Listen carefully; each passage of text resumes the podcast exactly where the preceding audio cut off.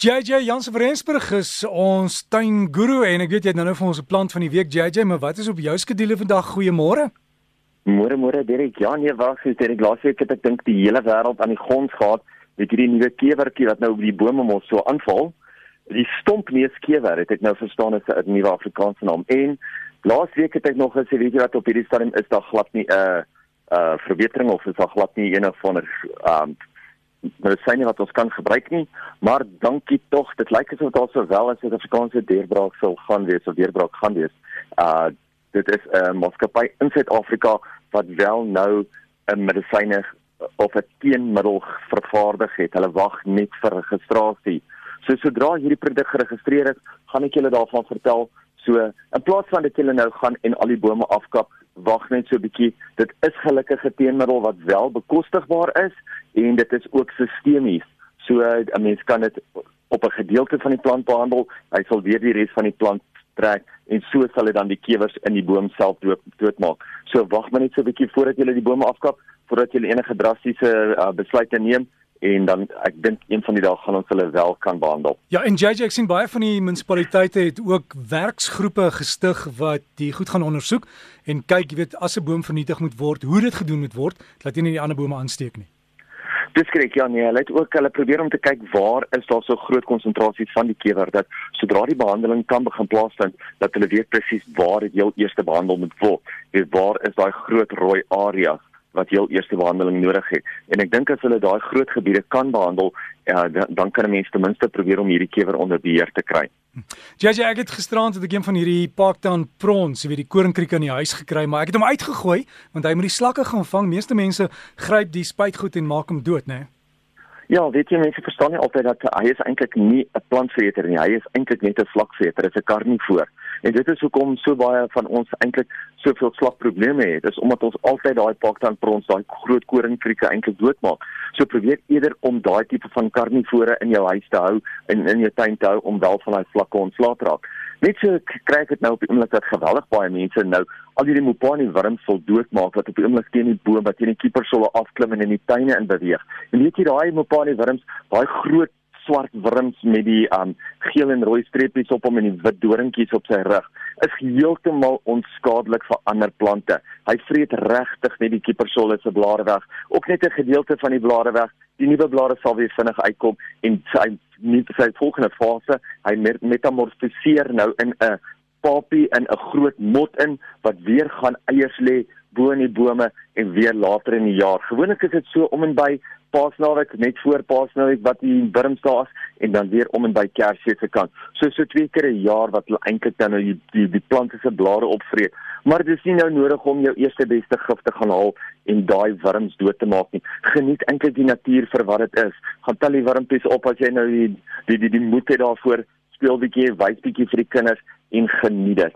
Ietsie wat wel 'n groot probleem is, is nou weer op die wat stinkhoude, is daai wollerige plantlyse wat van een boom na die ander boom toe vlieg en dan soos dit nou die sap uit die bome uitvlieg, kry jy hierdie taai aanpaksel op al die plante onder die bome. En dan dink almal altyd maar dit is die plante onder die bome wat siek is en hulle verstaan nie dit is eintlik die bome self wat siek is nie.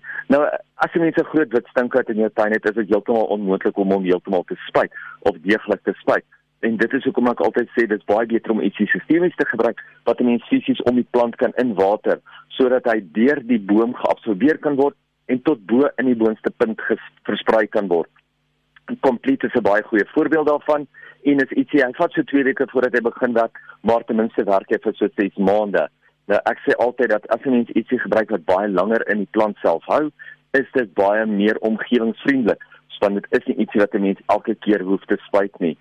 Voordat ek by die plant van die week kom, is net laaste dingetjie wat my baie pla, is mense wat nou elke liewe groot boom wat daar is wil afkap of elke liewe groot palm wat daar is wil afkap omdat dit weerlig in hulle eh, area kan inbring.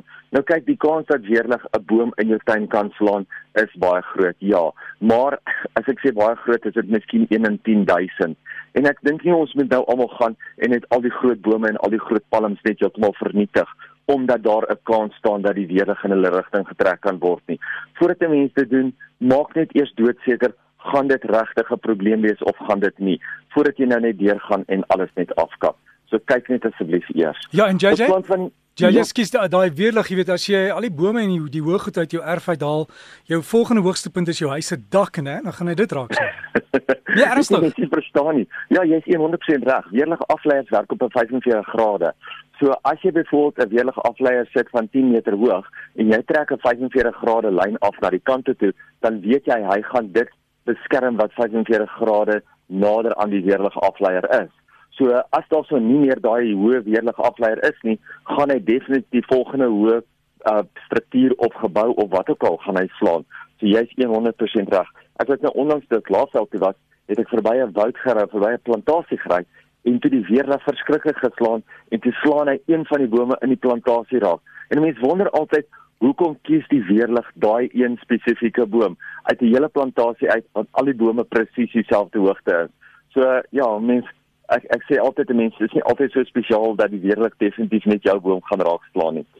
Uh voordat ek jammer, ek wou net net genoem het voordat ek gekom het by die plant van die week, is dat Sandy Roberts het môre uh by die Margaret Roberts uh kruie sentrum daar net buitekant De Wild, het sy die Smart Food seminar aan.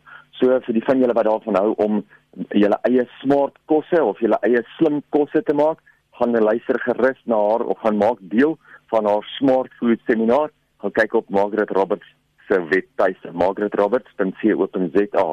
Maar ons plant van die week is 'n Sandoval Cosmos White. Nou baie mense ken die Sandoval as die Mandeville en dit is mos nou die immergroen rankplant. Hy maak pragtige leeragtige donkergroen blare met groot wit trompetagtige blomme. Hy blom so te sê dwars deur die jaar. Hy is immergroen. Hy is gehard So dis die tipe van ding wat as jy bietjie kleur in jou tuin wil hê, ietsie wil hê wat lekker baie gaan blom, gaan kry vir jou die Sandoval Cosmos White. Hy's lekker gehard, immergroen, pragtige plant, groei baie goed in potte.